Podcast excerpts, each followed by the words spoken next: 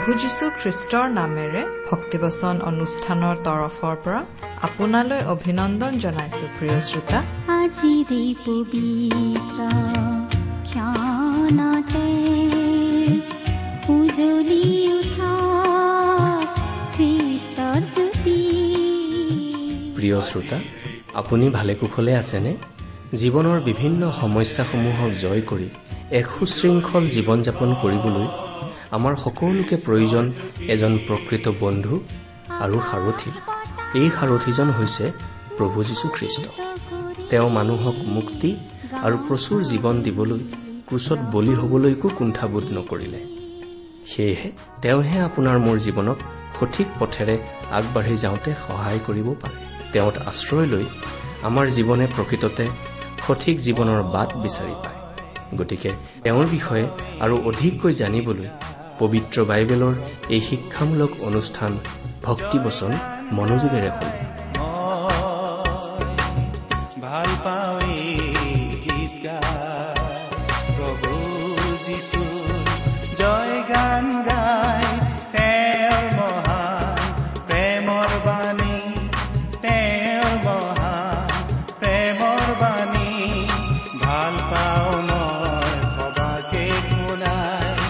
ভাল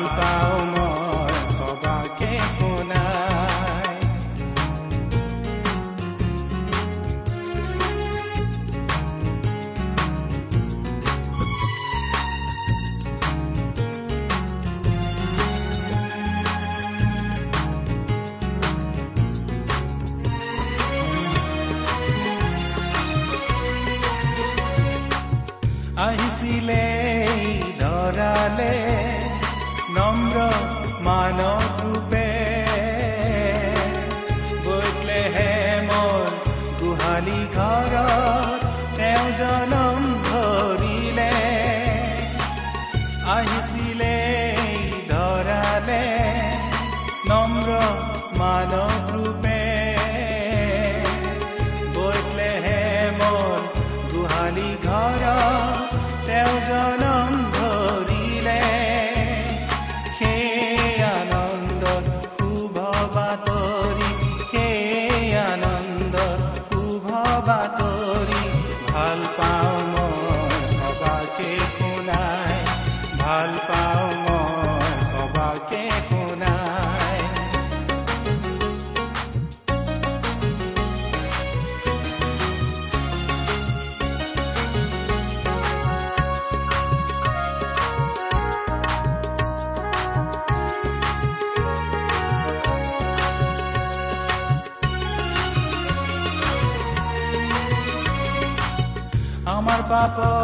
পাপৰ গধুৰ বুজাব তেওঁ কান্ধতে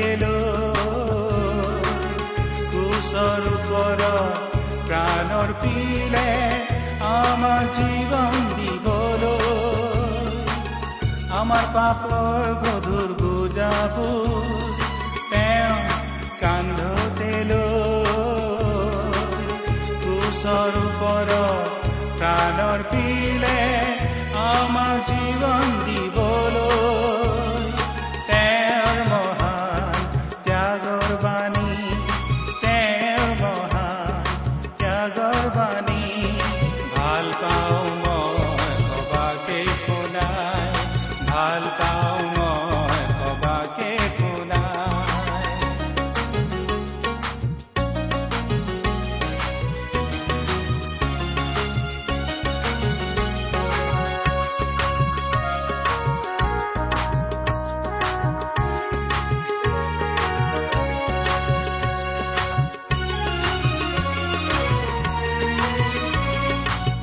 তৃতীয় দিনা পুনৰ উঠি মৃত্যুক জয় কৰিলে তৃতীয় দিনা পুনৰ উঠি মৃত্যুক জয় কৰিলে সুশৰীৰে সৰগলৈ গৈ সুশৰীৰে সৰগলৈ গৈ আজি নিবেদিছে আমাৰ হকে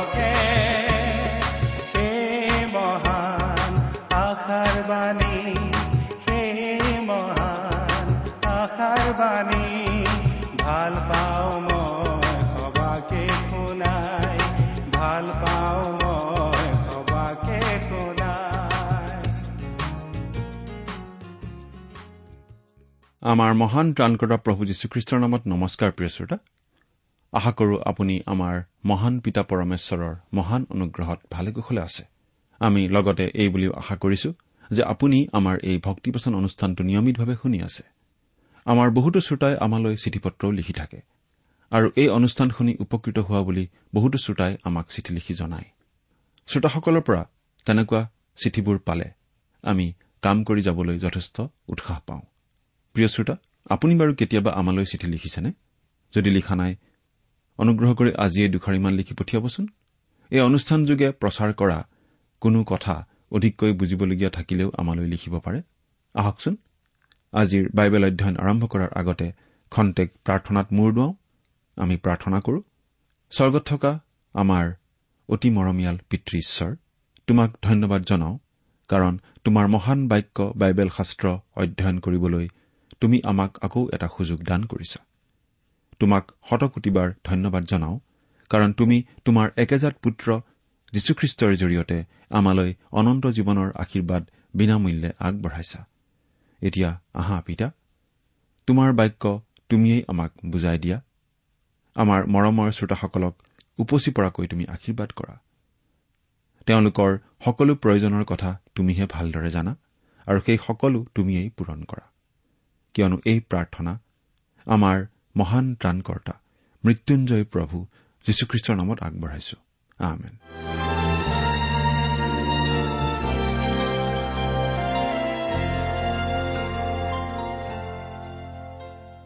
প্ৰিয় শ্ৰোতা আপুনি বাৰু আমাৰ এই ভক্তিবচন অনুষ্ঠানটো নিয়মিতভাৱে শুনি আছেনে? আমি বাৰু এতিয়া বাইবেলৰ কোনখন পুস্তক অধ্যয়ন কৰি আছো আপোনাৰ মনত আছেনে? যদিহে আপুনি নিয়মিতভাৱে আমাৰ এই অনুষ্ঠান শুনি আছে তেনেহলে আপুনি নিশ্চয় জানে যে আমি আজি ভালেমান দিন ধৰি বাইবেলৰ পুৰণি নিয়ম খণ্ডৰ গীতমালা নামৰ পুস্তকখন অধ্যয়ন কৰি আছো। আৰু যদিহে আপুনি আমাৰ আগৰ অনুষ্ঠানটো শুনিছিল তেনেহলে আপুনি নিশ্চয় জানে যে যোৱা অনুষ্ঠানত আমি এই গীতমালাৰ এশ ওঠৰ নম্বৰ গীতলৈকে আমাৰ আলোচনা আগবঢ়ালো। গতিকে আজি আমি তাৰ পিছৰ গীতটো অৰ্থাৎ এশ ঊনৈশ নম্বৰ গীতটোৰ পৰা আমাৰ আলোচনা আগবঢ়াম। আৰু এয়া আপোনালোকৰ বাবে আমি হাতত লৈছো গীতমালা এশ ঊনৈশ নম্বৰ গীতৰ আলোচনা। গীতমালা পুস্তকখনত যি এশ পঞ্চাছটা গীত আছে সেইবিলাকৰ ভিতৰত এই এশ ঊনৈশ নম্বৰ গীতটোৱেই আটাইতকৈ দীঘল গীত। এই গীতটোত মুঠতে এশ ছয়সত্তৰটা পদ আছে। গীতটোৰ এটা মন কৰিবলগীয়া কথা হৈছে যে এই গীতটো ইব্ৰী ভাষাৰ বাইশটা বৰ্ণমালাৰ মাজত এশ ছয়সত্তৰটা পদ ভগাই পেলোৱা হৈছে। প্ৰতিটো বৰ্ণমালাত আঠটাকৈ পদ ভগাই দি। তাতকৈও মন কৰিবলগীয়া কথাটো হৈছে যে গীতটোৰ এশ ছয়সত্তৰটা পদৰ প্ৰায় আটাইবিলাক পদতেই ঈশ্বৰৰ পবিত্ৰ আৰু জীৱনদায়ক বচনৰ বাবে সেই বচনৰ গৰাকী মহান ঈশ্বৰক ধন্যবাদ জ্ঞাপন কৰা হৈছে। প্ৰিয় শ্ৰোতাসকল আমিও যদি আজি তাকে কৰিব জানিলোহেঁতেন কি সুন্দৰ কথা হলহেঁতেন। আজি আমি আমাৰ কাৰ্যসূচী আমাৰ প্ৰণালী আৰু নীতি নিয়মসমূহত বেছি গুৰুত্ব আৰোপ কৰো কিন্তু আমি গুৰুত্ব আৰোপ কৰিব লাগে ঈশ্বৰৰ বচনৰ ওপৰতহে। কাৰণ তেওঁৰ বচনৰ ওপৰতহে আশীৰ্বাদ কৰিবলৈ ঈশ্বৰে অংগীকাৰ কৰিছে। বাইবেলৰ কোনো কোনো শিক্ষক আৰু ছাত্ৰসকলে ক'ব বিচাৰে যে বাইবেলত আঠ নম্বৰ সংখ্যাটোৰ এটা বিশেষ তাৎপৰ্য আছে।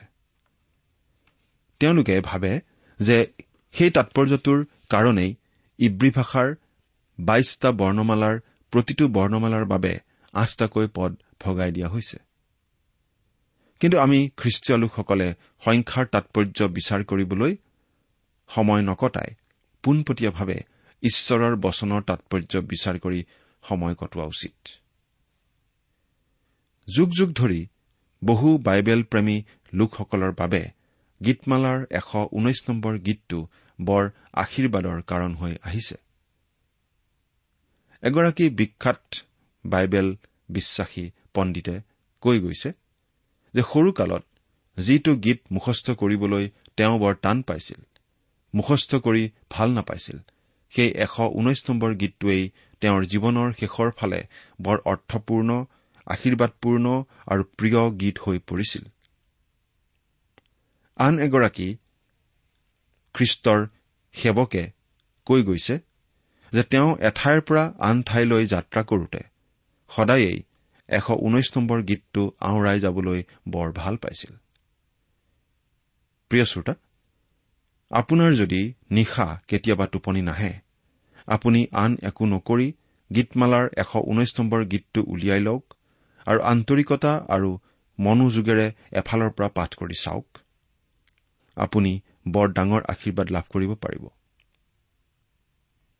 এই গীতটোত ঈশ্বৰৰ বচনখিনিক বচন মুখৰ কথা পথ সাক্ষ্য শাসন প্ৰণালী আদেশ আজ্ঞা বিধান বিধি আৰু বিশ্বস্ততা আদি বুলিও কোৱা হৈছে। গীতটোৰ আটাইবিলাক পদ আলোচনা নকৰি মূল মূল বিষয়সমূহ আলোচনা কৰোঁ হওক। এক আৰু দুই নম্বৰ পদ যিবিলাক আচৰণ ব্যৱহাৰত সিদ্ধ সিবিলাক ধন্য। যিবিলাকে জিহুৱাৰ ব্যৱস্থা অনুসাৰে চলে তেওঁলোক ধন্য। যিসকলে তেওঁৰ সাক্ষ্যবোৰ পালন কৰে তেওঁলোক ধন্য। যিসকলে সমস্ত মনেৰে তেওঁক বিচাৰে তেওঁলোক ধন্য। হয় প্ৰিয় শ্ৰোতা জিহুৱাৰ ব্যৱস্থা অনুসাৰে চলাসকল ধন্য আৰু সমস্ত মনেৰে তেওঁক বিচৰা লোকসকল ধন্য। আপুনি যেতিয়া ঈশ্বৰ জীহুৱাক বিচাৰে তেতিয়া অৰ্ধ অন্তৰেৰে তেওঁক বিচাৰে নেকি বাৰু প্ৰিয় শ্ৰোতা? লাভ নাই। তেনেদৰে ঈশ্বৰক বিচাৰি লাভ নাই। কাৰণ অৰ্ধ অন্তৰেৰে ঈশ্বৰ জীহুৱাক বিচাৰি পাব নোৱাৰি আৰু সেয়ে তেনে লোকৰ জীৱন ধন্য হবও নোৱাৰে। ন নম্বৰ পদ। ডেকা মানুহে কিহেৰে নিজ পথ শুদ্ধ কৰিব? তোমাৰ বাক্যৰ দৰে তাত মনোযোগ দিয়াৰ দ্বাৰাই কৰিব। প্ৰতিগৰাকী যুৱক যুৱতীয়েই আজি যিটো বস্তু শিকিব লাগে সেইটো হৈছে ঈশ্বৰৰ বচন।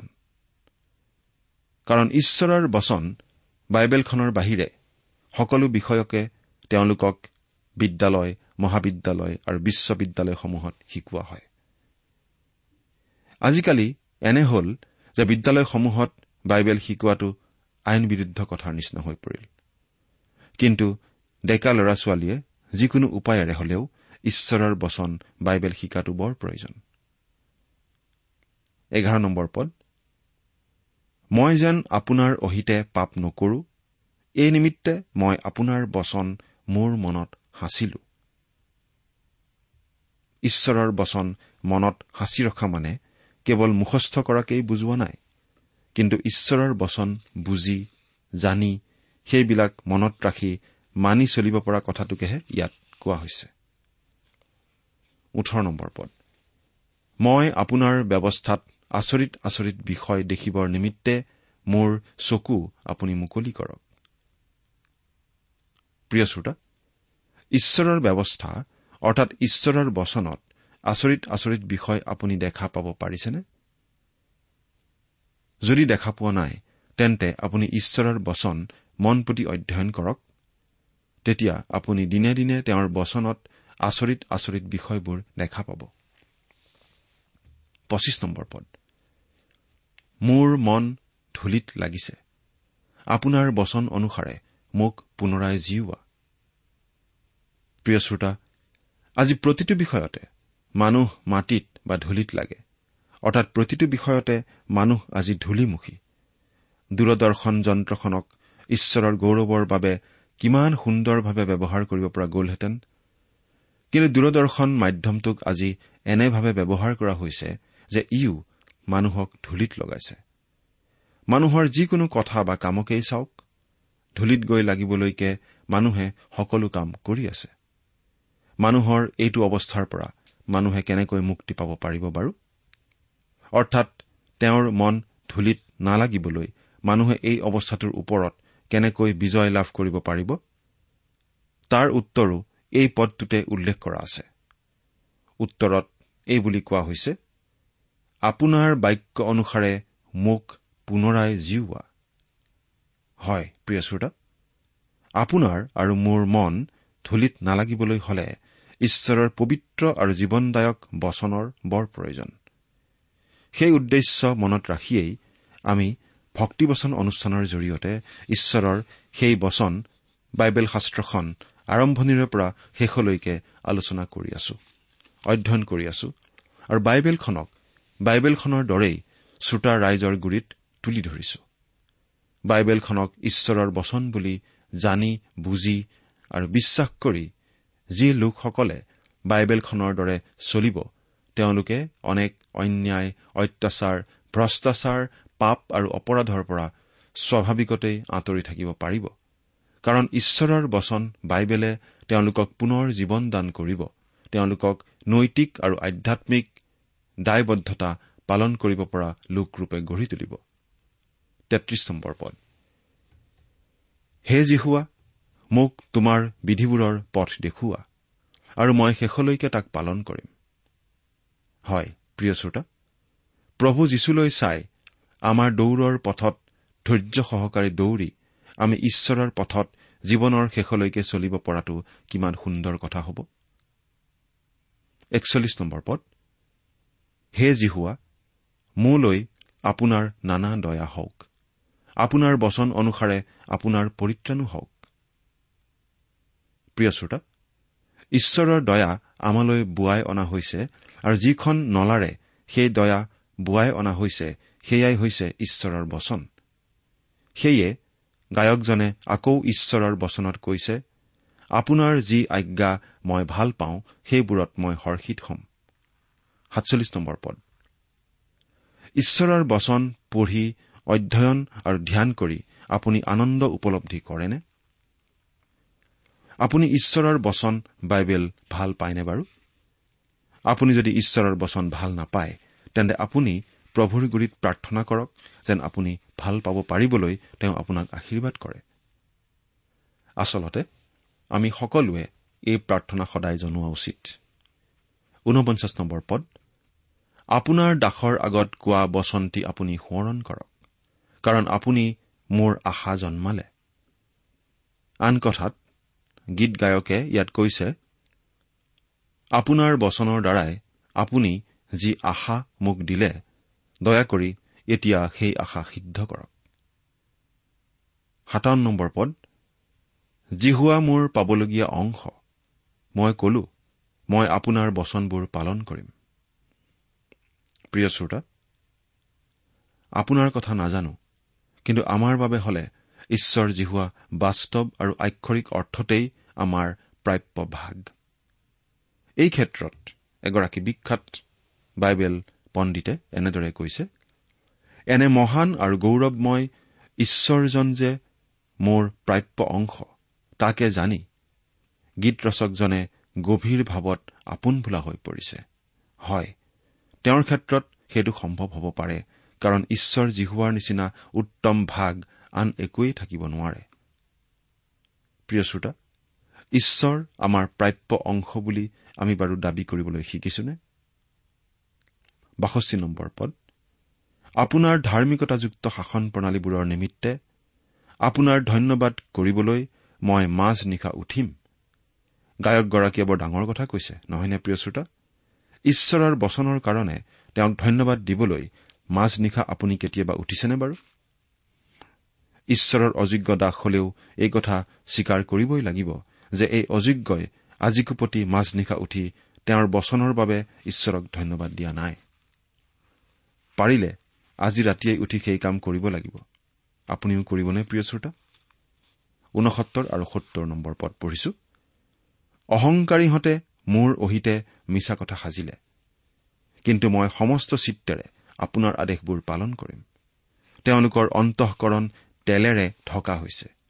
কিন্তু মই হলে আপোনাৰ ব্যৱস্থাত হৰ্ষিত হওঁ। প্ৰিয় শ্ৰোতা এনে অনেক খ্ৰীষ্টীয় লোক আছে যিসকলে ঈশ্বৰৰ বচনক ঈশ্বৰৰ বচনৰূপে বিশ্বাস কৰিব নোৱাৰি বৰ কঠোৰ আৰু নেতিবাচক সমালোচনা কৰে। আচলতে তেওঁলোকৰ হৃদয়ৰ বাবে ঈশ্বৰৰ বচনেই শক্তিদায়ক আহাৰ।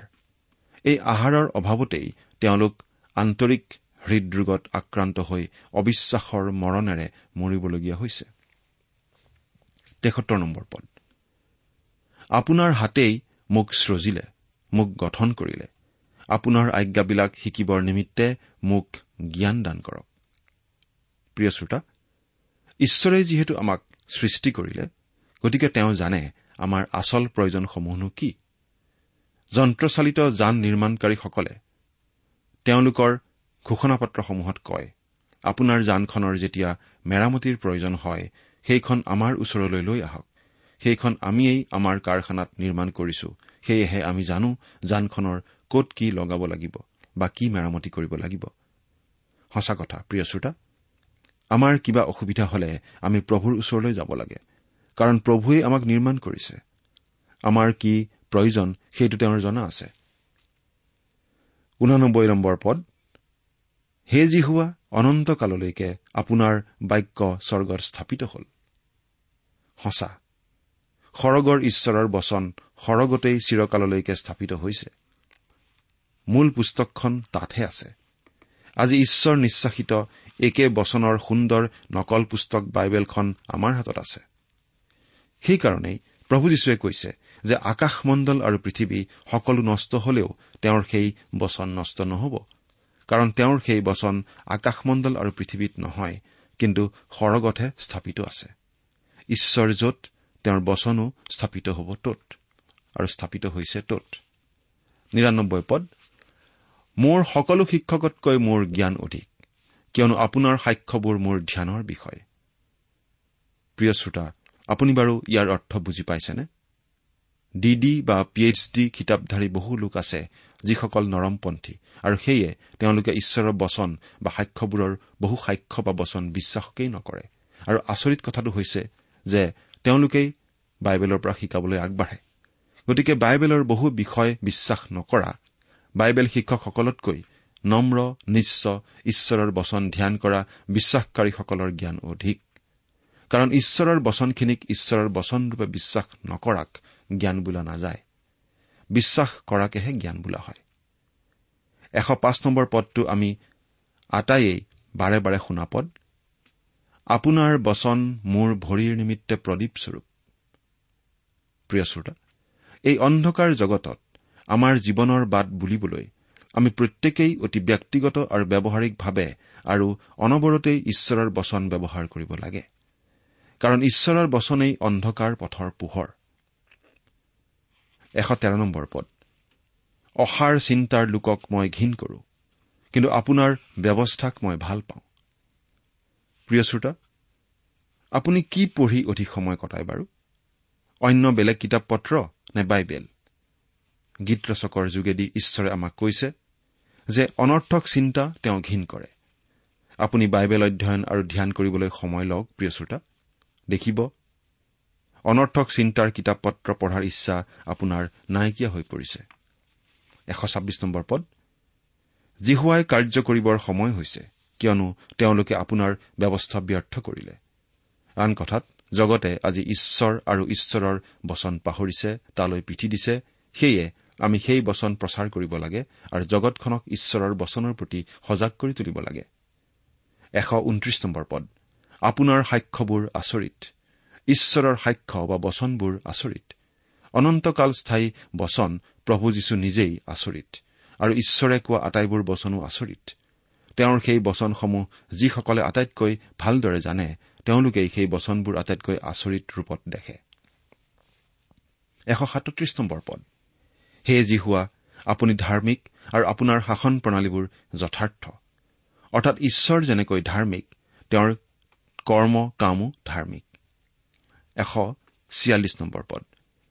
মই আপোনাৰ আগত প্ৰাৰ্থনা কৰিলো মোক পৰিত্ৰাণ কৰক আৰু মই আপোনাৰ সাক্ষ্যবোৰ পালন কৰিম।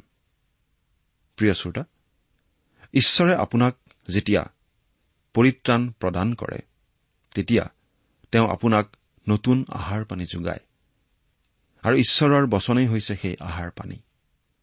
এশ চৌৱন্ন নম্বৰ পদ আপোনাৰ বচন অনুসাৰে মোক পুনৰাই জীৱন্ত কৰক। কিহে বাৰু আমাক পুনৰাই জীৱন্ত কৰিব পাৰে? সঁচা ঈশ্বৰৰ বচনে। এশ এষষ্ঠি পদ। অধ্যক্ষবিলাকে মোক অকাৰণে তাৰণা কৰিলে কিন্তু মোৰ মনে আপোনাৰ বচনলৈ ভয় ৰাখে। অৰ্থাৎ জগতৰ শাসকসকলৰ তাৰণাতকৈ গীত গায়কজনে ঈশ্বৰৰ বচনলৈহে অধিক ভয় ৰাখিছিল। এশ ছয়সত্তৰ নম্বৰ পদ। মই হেৰুৱা মেৰৰ নিচিনা ভ্ৰান্ত হলো। আপুনি নিজ দাসক বিচাৰক কিয়নো মই আপোনাৰ আজ্ঞাবোৰ নাপাহৰো। এৰা প্ৰিয় শ্ৰোতা হেৰুৱাজনক বিচাৰি উদ্ধাৰ কৰাই প্ৰভুৰ দয়াৰ কাম। প্ৰিয় শ্ৰোতা হেৰুৱাজনক বিচাৰি উদ্ধাৰ কৰিবলৈকে প্ৰভু যীশু এই জগতলৈ আহিছিল কাৰণ তেওঁৱেই ঈশ্বৰৰ জীৱন্ত বাক্য। মাংস ৰূপত অৰ্থাৎ মানুহৰ ৰূপত জন্ম লোৱা ঈশ্বৰৰ বাক্য। সেই জীৱন্ত বাক্য প্ৰভু যীশুক আপুনি বাৰু বিশ্বাস কৰি ঈশ্বৰৰ সৈতে নিবিড় সম্বন্ধ স্থাপন কৰিছেনে? ঈশ্বৰে আপোনাক আশীৰ্বাদ কৰক। প্ৰিয় শ্ৰোতা ইমান পৰে আপুনি বাইবেল শাস্ত্ৰৰ পৰা ঈশ্বৰৰ বাক্য শুনিলে। এই বিষয়ে আপোনাৰ মতামত জানিবলৈ পালে আমি নথৈ আনন্দিত হ'ম। আমি প্ৰস্তুত কৰা বাইবেল অধ্যয়নৰ চিডিসমূহ পাব বিচাৰিলে আৰু অনুষ্ঠানত প্ৰচাৰ কৰা কোনো কথা বুজিব লগা থাকিলেও আমালৈ লিখক। আমাৰ যোগাযোগৰ ঠিকনা ভক্তিবচন ট্ৰান্সৱৰ্ল্ড ৰেডিঅ' ইণ্ডিয়া ডাক বাকচ নম্বৰ সাত শূন্য গুৱাহাটী সাত আঠ এক শূন্য শূন্য এক। ঠিকনাটো আকৌ এবাৰ কৈছো ভক্তিবচন ট্ৰান্সৱৰ্ল্ড ৰেডিঅ' ইণ্ডিয়া ডাক বাকচ নম্বৰ সাত শূন্য গুৱাহাটী সাত আঠ এক শূন্য শূন্য এক। আমাৰ ইমেইল এড্ৰেছটো হৈছে Assamese T TV at the rate radio' eight eight two dot com আমাৰ website W W W dot T W R dot in আপুনি টেলিফোনৰ মাধ্যমেৰেও আমাক যোগাযোগ কৰিব পাৰে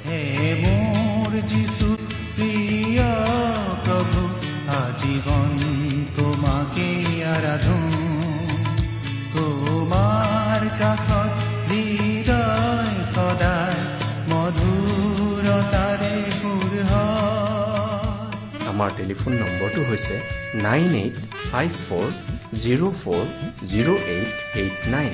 Phone নম্বৰটো আকৌ এবাৰ কৈছো ন আঠ পাঁচ চাৰি শূন্য চাৰি শূন্য আঠ আঠ ন। আপুনি এই ভক্তিবচন অনুষ্ঠানটি আমাৰ website radio' eight eight two dot কমতো শুনিব পাৰিব। আজিৰ অনুষ্ঠানটি ইমানতেই সামৰিছো। ঈশ্বৰৰ শান্তি আৰু অনুগ্ৰহ আপোনাৰ লগত থাকক। ধন্যবাদ। যেতিয়া হতাশানে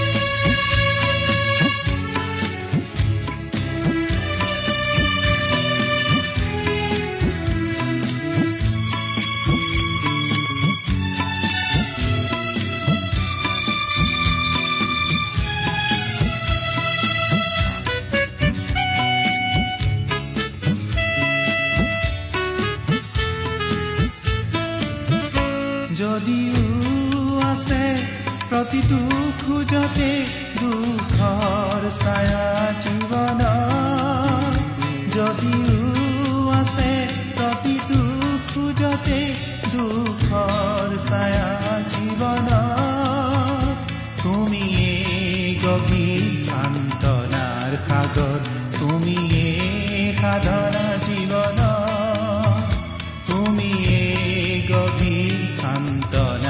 সাগৰ তুমিয়ে